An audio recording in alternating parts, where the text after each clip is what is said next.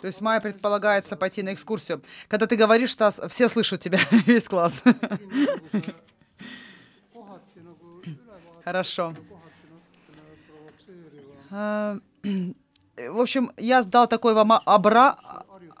А, такой, а подготовил вам слайд-шоу а, немножко для того, чтобы вас э, так взбудоражить, может быть, в какой-то мере немножечко такой он обобщающий, немножко провоци... провокационный. Но что я хочу сказать в самом начале?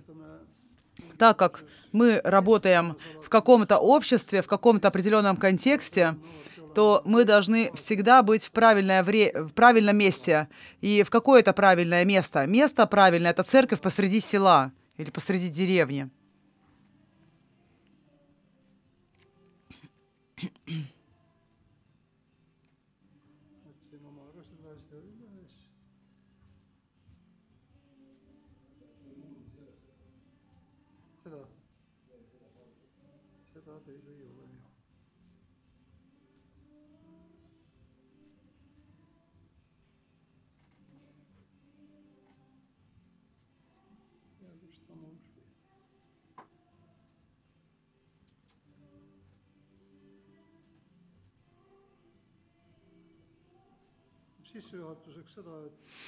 В качестве введения скажу, что есть, существует, есть профессор в Норвегии, вот такой вот, и две статьи, а, они, при, они есть э, в вот этой рабочей тетради по диаконии. И он говорит, что изучая диаконию, нужно, э, нужно держаться трех путей. Э, не знаю, как сказать, там, в э, трех э, Первое, трех путей. Первое – контекстуальный, второй – экклезиал, экклезиологический, экклезиологическая это наука э, церкви, и э, практический путь. Да? И контекстуальный путь – это ответ, ответ на потребности, которые замечают люди вокруг себя.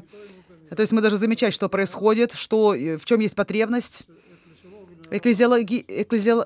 Экклезиологическая э, — это диакония как традиционная, э, э, как традиция, без которой я и Норсторг говорим о том, что зависит от нашей, ну, это наша суть.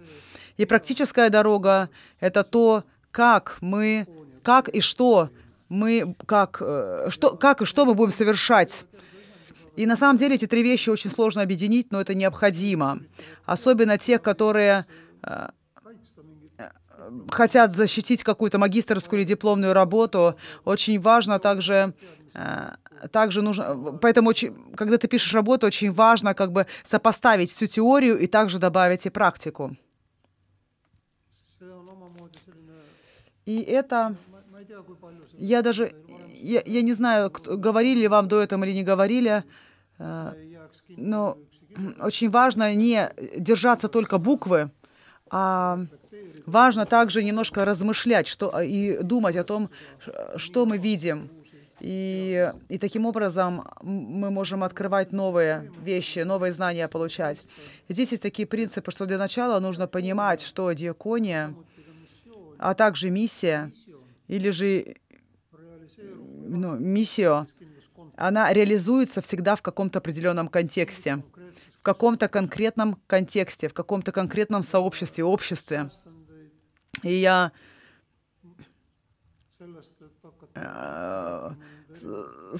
э, ну, сохраню вас. Это, то есть не буду вам рассказывать все вот эти детали, но на самом деле она очень интересная, эта тема, и, возможно, даже, э, может быть, даже урок посвятить этому, э, вот этому.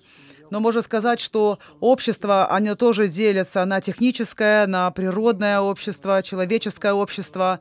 Но также, чем дальше мы идем, э, даже у нас есть онлайн, э, онлайн-пространство, скажем, и и вот это веб-пространство, оно дает нам также другие вызовы и другие задачи, которые также нужно решать. Поэтому всегда должны задавать себе вопрос, а также у Господа спрашивать, Куда же Он нас послал? Кому Он нас посла- посылает? И зачем? Например, когда вы пойдете на работу в одну церковь, э, вы географически понимаете, где вы находитесь. но если это не ва- э, церковь не связана с вашей, не поместная, скажем, церковь, да, то вам нужно будет узнать, что это за церковь, э, какие там потребности у людей, какие проблемы, которые нужно решить в том конкретном месте, и потом тогда составить команду, выяснить, э, действительно ли эта проблема истинная или что-то показательная, она действительно стоит того, чтобы с ней заниматься или не стоит, и после этого начать тогда ну, решать ее. Как пример могу привести, допустим, когда когда я закончил в Петели Когудус и поехал туда, в Харкуярве, то, то общество для меня, это люди были новые для меня, чужие для меня. Единственная возможность, как узнать было, что там, в чем есть потребность, нужно было задавать вопросы людям. И звучит, может быть, очень наивно, и, может быть, даже ничего не говорящее, но очень часто не спрашивают даже, какие потребности у людей, в чем нуждаются люди, что вы вообще хотите, что вам нужно. Считается, что, ну, мы и так знаем. И потом делается вот своя вещь, да. Но, возможно, это и не будет работать в вашем сообществе и с теми людьми, которые там находятся. Поэтому всегда можно использовать э, даже ту лекцию, которую э, можно использовать ту лекцию, которую подготовили 20 лет назад, но эта лекция может быть вообще не актуальной. Люди другие, время другое, их знания другие, ожидания их могут быть другими. И я в самом начале пытался понять, что люди ожидают, и, мы, и что вы ожидаете здесь. Я поговорил с Марком, что он ожидает. Я не знаю, получилось ли у меня, но тем не менее я пытаюсь, ну, как бы донести вас то, в чем, как мне сказали, вы нуждаетесь. И в Харку, Ору, это, это Харкувалд, 16 тысяч человек там у нас живет. И на данный момент, когда я поехал, там было меньше 11. И в, Хар, в Харку-Ярве э, 6200 живет в нашем такой деревушке. И я сделал опрос нашего, наших людей, всех, в чем их потребность. И говорю, что мы купили церковь здесь, вот Харку-Ярве, э, что, что там 200 метров пастората, там столько-то метров там того-то, того-то, всего-то. Большой зал у нас есть, 700 квадратов. Есть цокольный этаж, это то, что у нас есть. Может быть, вы хотите что-то здесь делать, будучи как бы как в деревне, да? Мы говорили с людьми, общались, потом пошли в следующий круг и э, составили такой опросник и поняли, что э, людям нечего делать, отсутствует деятельность какая-то. Харку Ярве не может конкурировать с Сталином, э, поэтому и мы начали зада- задавать вопрос, а какую деятельность вы хотите?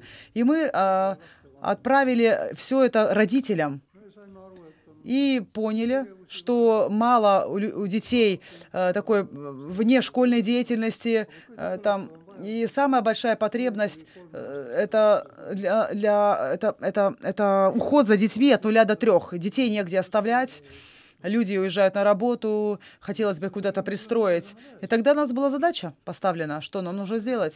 Очень четко. Задай вопрос. Иисус тоже задавал вопросы. Да, что ты хочешь, чтобы я тебе сделал? И ты отвечай. И, допустим, там, дорогой Иисус, может быть, они просили, сделай нам детский сад. И Иисус посылал своих диаконов и делал э, детский сад, допустим, да? Или там уход за детьми.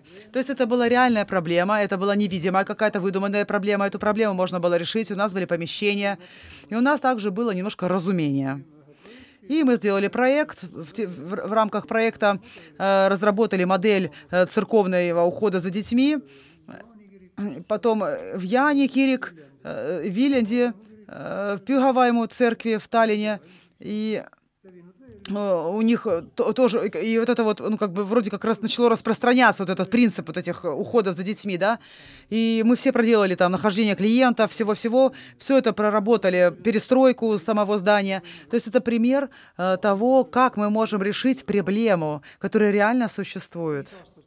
Э, пять лет работал у нас детский садик, и потом наша, через дорогу от нас наша волость построила большой детский сад. Э, прекрасно. Здорово. Теперь мы больше не нужны с этой функцией. Теперь нужно было э, задать вопрос, а для чего мы еще можем, чем мы еще можем послужить. Я не буду долго говорить об этом, но тем не менее последние семь лет э, там работает э, в тех же самых помещениях, немножко перестроенных, э, э, забота о детей с аутизмом. от, э, до 17 лет. То есть там интервальный уход на несколько дней приводят детей, привозят. И сейчас э, мы лагеря делаем э, для той же самой аудитории, для детей с глубокой инвалидностью. И также, конечно же, услуги у нас есть тугисиков, опорных лиц. И, и также мы, э, поэтому мы, естественно, и здания для эксплуатации подготовили, и зарплаты работника платим. То есть это в контексте диаконии, что касается. Ответ на потребности, на нужды. Второе слово, это было экклезиологическое, экклезиологический путь. Или, и это с греческого слова экклезия, экклезия. И если дальше мы пойдем, э, означает э, эк выйти, выйти как бы, и второе это э, вызов, как бы вызов выйти. И потом это стали э, переводить как, как собрание, как церковь потом. Но это значит, что собранное, собранное собрание какое-то, не знаю, в общем, как-то так. Если я правильно поняла вообще этот перевод. И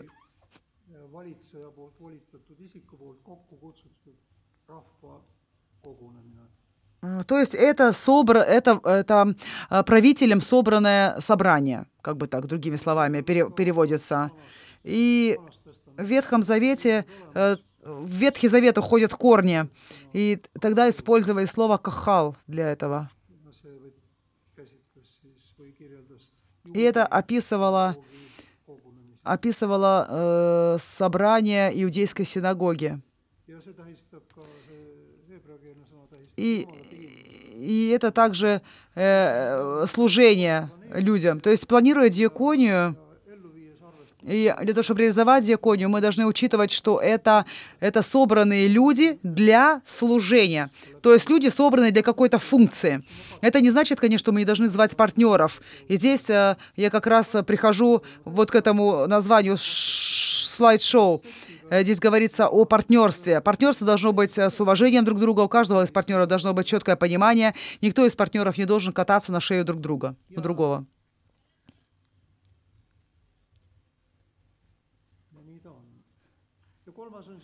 И третье — это практическое, практическое путь. Это означает э, то есть это значит э, соответствие учения с практикой. Не остаться теоретиками только, а стать практикой. Учиться у практиков, и не только у теоретиков. Поэтому я думаю, наверное, здесь и нахожусь. Я уверен, что я не лучший теоретик в этом мире, и не теолог, и не учитель даже, но я э, хороший практи практик. Я руководитель практической диаконии. То есть я э, практикующий диакон по-эстонски, можно так сказать. И мы также использовали, э, если вам нужно, если вам нужно руководить, нужно учить кого-то, то используйте, используйте практики, практиков. И пример такой. Когда-то мы сделали проект э, «Сделаем вместе». Мы сделали это в, в институте нашей э, лютеранской церкви с, вместе с Керти Кассе, э, которая отвечает за обучение в нашей церкви, в лютеранской церкви. И смысл проекта, я поговорю немножко об этом, но это не, это, это, это, это не просто... Э, и, и из этого всего вышло, что для того, чтобы диакон мог что-то сделать, он должен знать разные техники. И диакон он должен знать, как собирать финансы, допустим, даже, да, такие вещи, как, зараб- как получать финансы. Во-вторых, он должен знать, где находятся деньги. Здесь, опять-таки, я пишу вот в этой книжке, да, в этом путеводителе, одна из глав. Это, мой, это его книжка, его такой маленький путеводитель.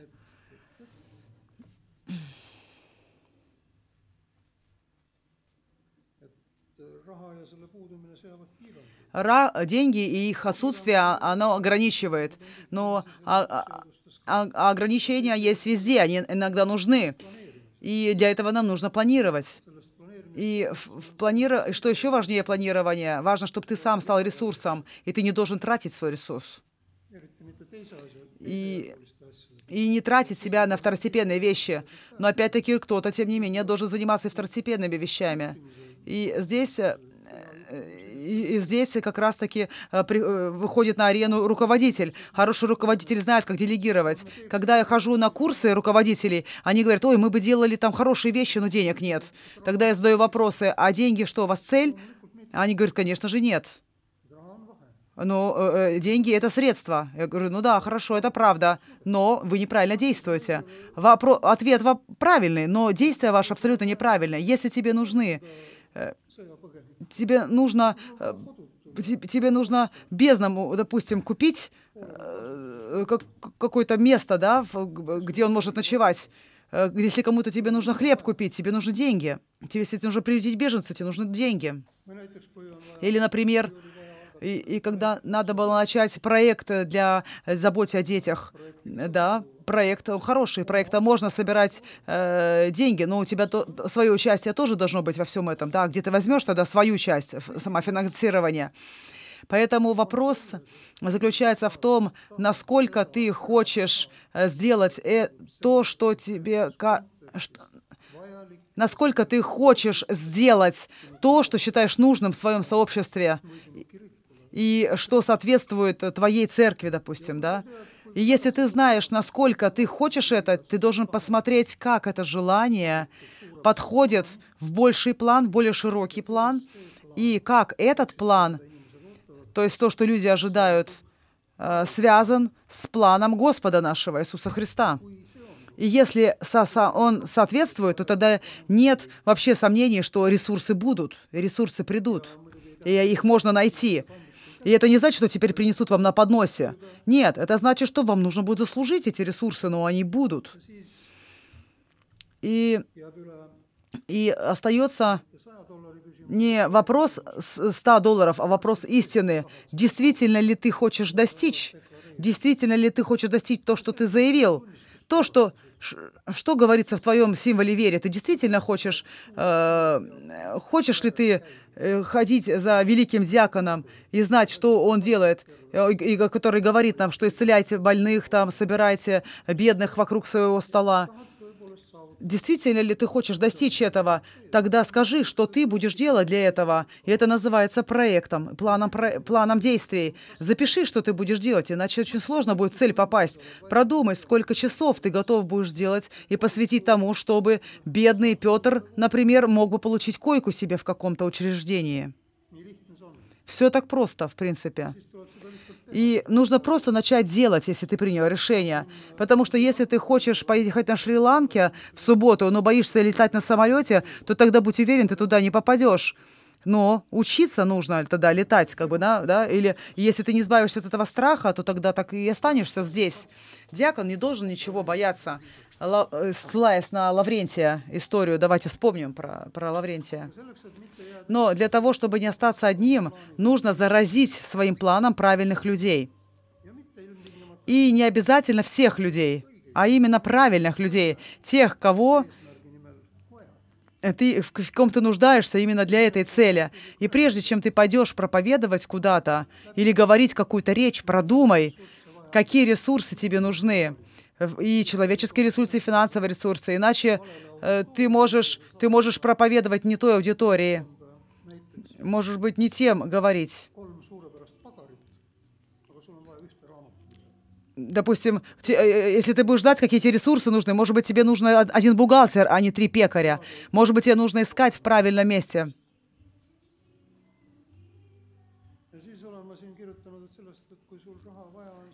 И, и я говорила, что если у тебя нет денег, иди туда, где деньги есть. И в основном эти деньги в банке. И ты скажешь мне, что э, банк не дает денег. Не даст денег, потому что у тебя нет э, самофинансирования или нету э, ипотеки, да, что заложить. Поговори тогда с членом своей церкви. Если у них нет денег, может быть, они знают того, у кого есть деньги, или у кого есть возможность свое имущество заложить. Когда мы начали покупать Харку Ярвы, мы тоже должны были кредит взять. Но, но церковь э, как залог не взяли.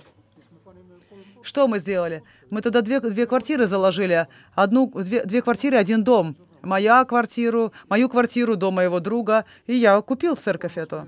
И третий человек дал деньги, которые отсутствовали. То есть э, тут был и банк, и тут были друзья, поиск банков, поиск друзей. Тут все вовлечено было. То есть нужно было найти то, что отсутствует. И это было очень, очень, очень легко достаточно. За исключением пяти лет, которые мы должны были выплачивать. Это все сложнее, конечно, было, но тем не менее мы справились со всем этим. И когда ты планируешь проект, и когда ты думаешь о том, сколько нужно денег, не пугайся. Если это тебе нужно 10 тысяч, и, и, и, но ты, допустим, можешь... И, тебе нужно платить, допустим, 10, или тебе нужно собрать 10 тысяч, то не пугайся, ты можешь каждый месяц э, распределить и каждый месяц по тысяче собирать, и уже не такая сумма. Поэтому, в принципе, э, не всегда нужны большие деньги.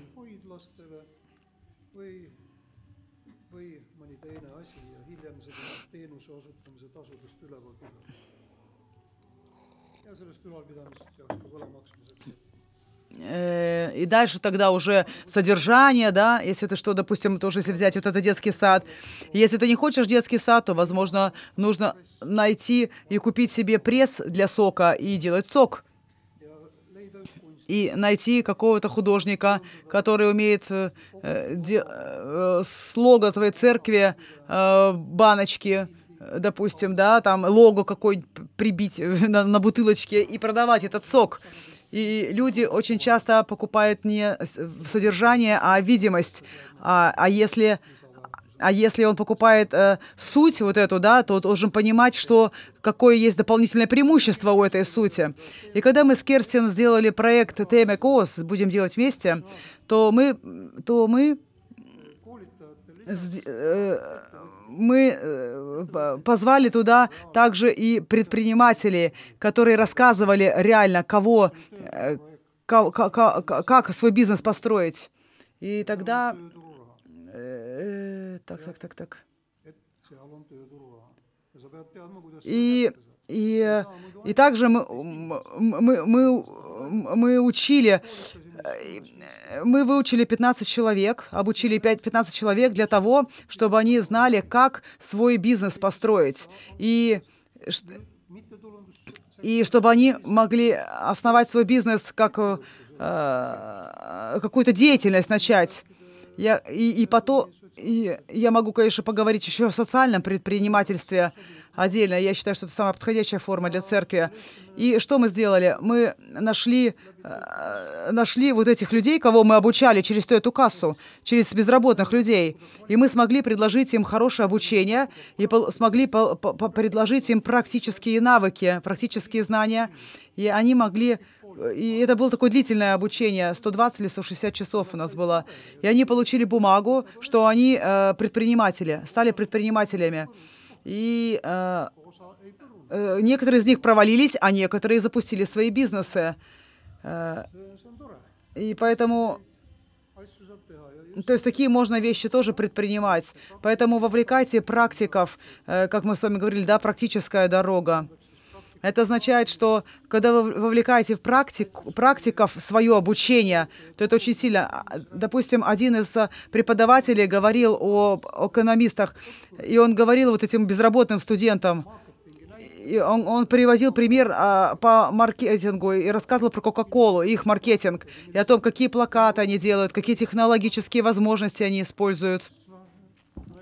Тогда я увидел, что а, один, один один дворник просто засыпал там. Ему, потому, потому что среди тех, кто не было ни одного э, человека, у которого есть такая мощь, как у Кока-Колы. Но в своей деревне он может открыть, допустим, пример, как, как, как на примере Кока-Колы открыть производство сока, допустим, да. Потом э, у нас был еще один предприниматель из Раквера, из Адвентистской церкви, и он очень говорил о, очень просто о том, как он с нуля запустил свое предприятие. Сначала продавал там рабочую одежду, а, а потом, э, потом технику и еще что-то там. И, то есть, э, то есть точно так же с нуля начинал.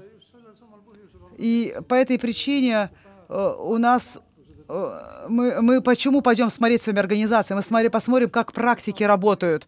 И вы сможете задать им вопросы, как они решают вопросы, как они ищут людей, как они ищут деньги, как как они э, ищут возможности для покрытия расходов, для, для того, чтобы кормить детей. То есть вот такие вот истории для того, чтобы вести, э, совершать диаконскую работу. Не слышу вопрос вообще.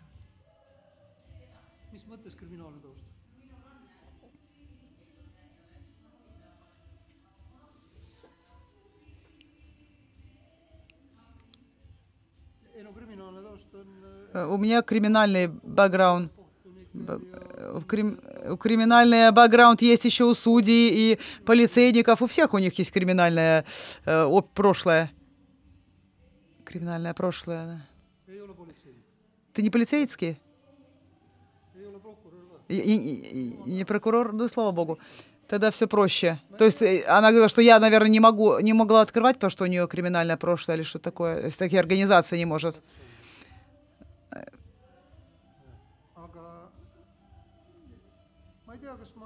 Я не знаю. Не знаю. Куда мы пойдем? Вы можете, конечно, приехать в Карку Ярвы, мою церковь, посмотреть, как у нас работает, как у нас запустилось, да, все весь этот проект, как мы служим, как мы э, служим обществу, какие средства у нас есть. Второй момент, мы можем поехать в Петели, пойти в Петели. Вы знаете, да, церковь Петели? Знаете?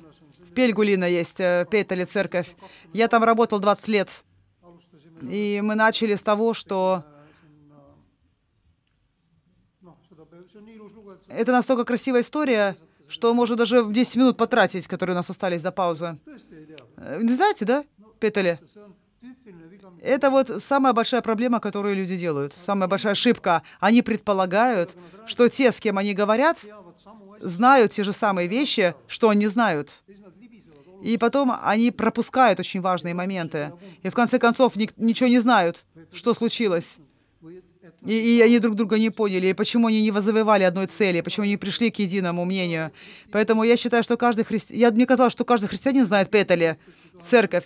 Петели церковь посещали, построили в 1930-х годах, в конце, в 1939 году, когда Гитлер позвал обратно немцев, то, э, то там был немецкий учитель, и, э, и церковь осталась одна. На прессе 5 в Пельгулин она относится. А, это какой-то какой-то был там учитель. И потом три человека были учителями там во время войны. Два из них сослали. Не помню, что с третьим стало. И в конце концов, до 60-го года эта церковь, она была в какой-то, мере, в какой-то мере, она работала, но пришло советское время, и совет э, каких-то там советских, там ла-ла-ла, закрыли эту церковь.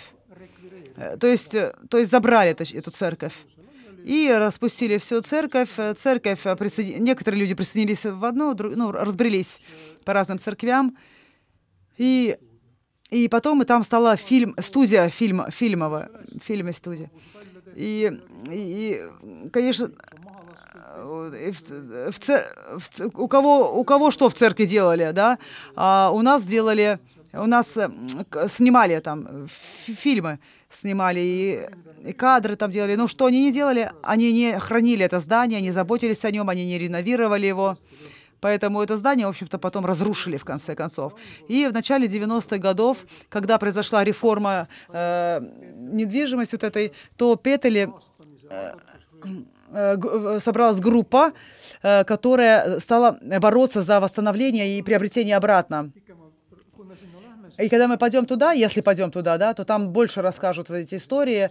На данный момент у меня фотографий нет вам показать. В любом случае, а, э, в общем, трубы были прорваны, все было мокрое, там были какие-то, в общем, э, там, там, в общем, непонятно, что творилось. Э, квартира учителя, там непонятно, что было а там был бизнес по американским запчастям в церкви, и не было вот этой башенки, ее, сня... ее тогда разрушили, а, а, а, орган тоже оттуда вырвали просто, и под... Потом четыре, четыре нашел он где-то на свалке, четыре э, трубы от органа. Ну ладно, вкратце историю, если рассказывать, то я подняла тему, что церковь должна служить, служить обществу. Э, что, и это была проблема, 90, 90 год. И какие проблемы были в 90-х 90 годах, в начале? Была безработность большая, бедность большая была, э, проституция, наркомания, алкоголь, особенно в Копле, да, в, в, в Пыхе Таллин, в северном Таллине. Тогда Тогда сделали государственную программу и платили наличную, наличку э, живущим в эстонцам, не э, эстонцам, э, а, платили тем, кто хотел уехать на свою родину, не эстонцам. А, и, и, а некоторые не уехали. И,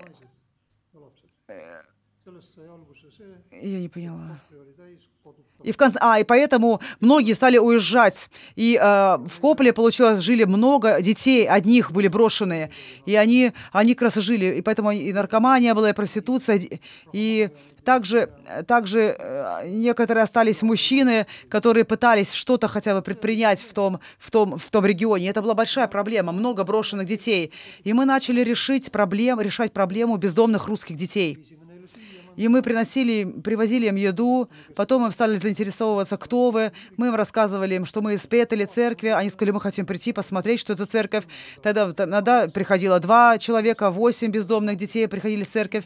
Потом соседи наши за голову стали, стали, стали э, хвататься и начали жаловаться в полицию на нас. А мы стали заботиться об этих детях в Петеле.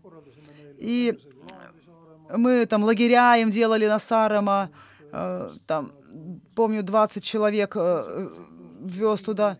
То есть, то есть дети там воровали и употребляли запрещенные вещества. И, в общем, говорили такими словами, как украинский э, военный послал э, на одно место корабль. В общем, такая компания у нас там собиралась.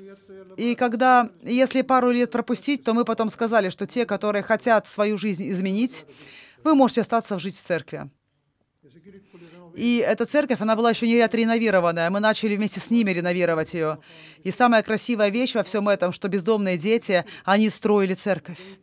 И они строили дом для самих себя. Они строили для себя жилище. И, и там не было ничего красивого. Они плакали, они пла, пла, спали, спали на, э, на, на мокрых полах, на матрасах, днем вылазили и начинали, начинали начи начинали э, окна разбивать, э, как бы раз, а, открывать те, которые были заколочены. И таким образом началась реновация церкви. И сегодня из этой церкви, в этой церкви прошло больше, чем 200 детей. Прошло через эту церковь 200 детей, которые больше или меньшей степени они вернулись к жизни благодаря этому. Эстоно, эстоноязычных было мало среди этих деток я, даже 10% нет. Но в основном это были те, чей язык был э, язык уличный и русский язык. И периодически я встречаю их, детей, тех, которые жили 20 лет назад, и я очень счастлив, что это была такая возможность. То есть это одна из, один такой из проектов, который показывает, что делая правильные вещи в правильное время с правильными людьми, когда ты находишь, ты находишь возможности, которые можно было бы, ну, возможности, да, и, и, и все началось с того, что кто-то взял ответственность, что кто-то возьмет на себя вот это разрушенное здание. Конечно же, они не могли сами финансировать все это строительство, но, опять-таки, берешь книжку, смотришь, где деньги, и начинаешь искать эти деньги. И это работает именно так же сегодня. Эти дети, которые были в 2000 году, они уже, конечно, не живут там. А, а,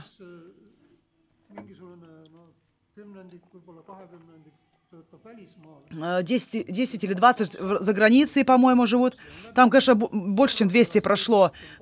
Максимум 32 ребенка жили одновременно, но это было слишком много. 16 — нормальное количество. Сейчас, по-моему, 12 человек живет там тогда больше места, больше внимания можно уделить э, воспитателям. И из этой церкви как раз поднялись, э, из методистской церкви поднялись воспитатели. И помимо лютеранской церкви служений, там сейчас проходит и Стас Осипов э, проводит служение. Методистская церковь. Поэтому мы в разное время проводим богослужения. И опять-таки, это же тоже, это есть законие, это социальная работа, и это есть экумения. Если бы мы, если бы мы начали решать вопросы по поводу учения и спорить, то, то мы, это дураком надо быть, чтобы такими вещами заниматься. Мы же можем служить, мы можем в служении э, говорить одно, одним языком служения, это самое главное.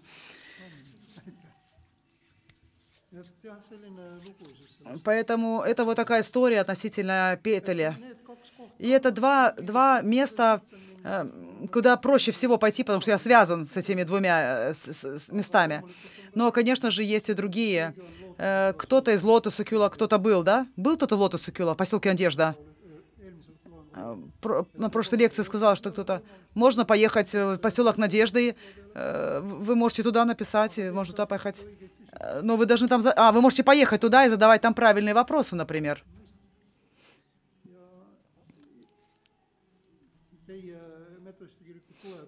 Допустим, Туля Торн методистской церкви, э, того, этого не было тоже, а потом создала методистская церковь. Артур Пыльда, Пыльда есть АА, да, в АА есть э, тоже. Он летом принимает сотни, сотни людей. Э, старый заброшенный пионерский лагерь, этот человек со своей командой восстановил.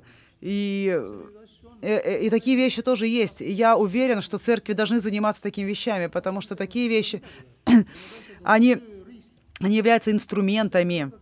И это же очень плохой работник, у кого только один молоток и кривой гвоздь, и он идет э, э, свой забор чинить. Нет, ваш, у вас должно быть множество инструментов, должны быть знания, должны навыки быть, разные методы.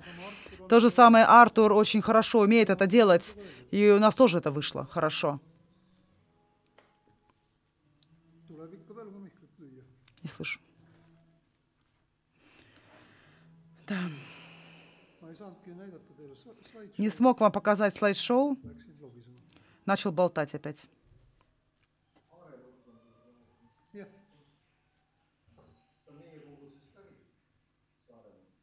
Э, кто-то там из Сарема. Из Сарема, да, э, несколько человек. Э, Игорь Миллер, Харри Луп.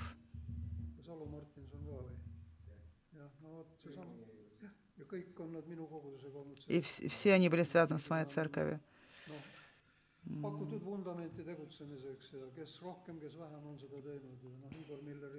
С Игорем Миллером мы запустили э, служение в тюрьме, по-моему. Он был капелланом очень долгое время, лучшим э, капелланом. Но всегда проходят, происходят и плохие вещи. А 10 лет, что он делал, то было прекрасно все. Э, лучшего не было.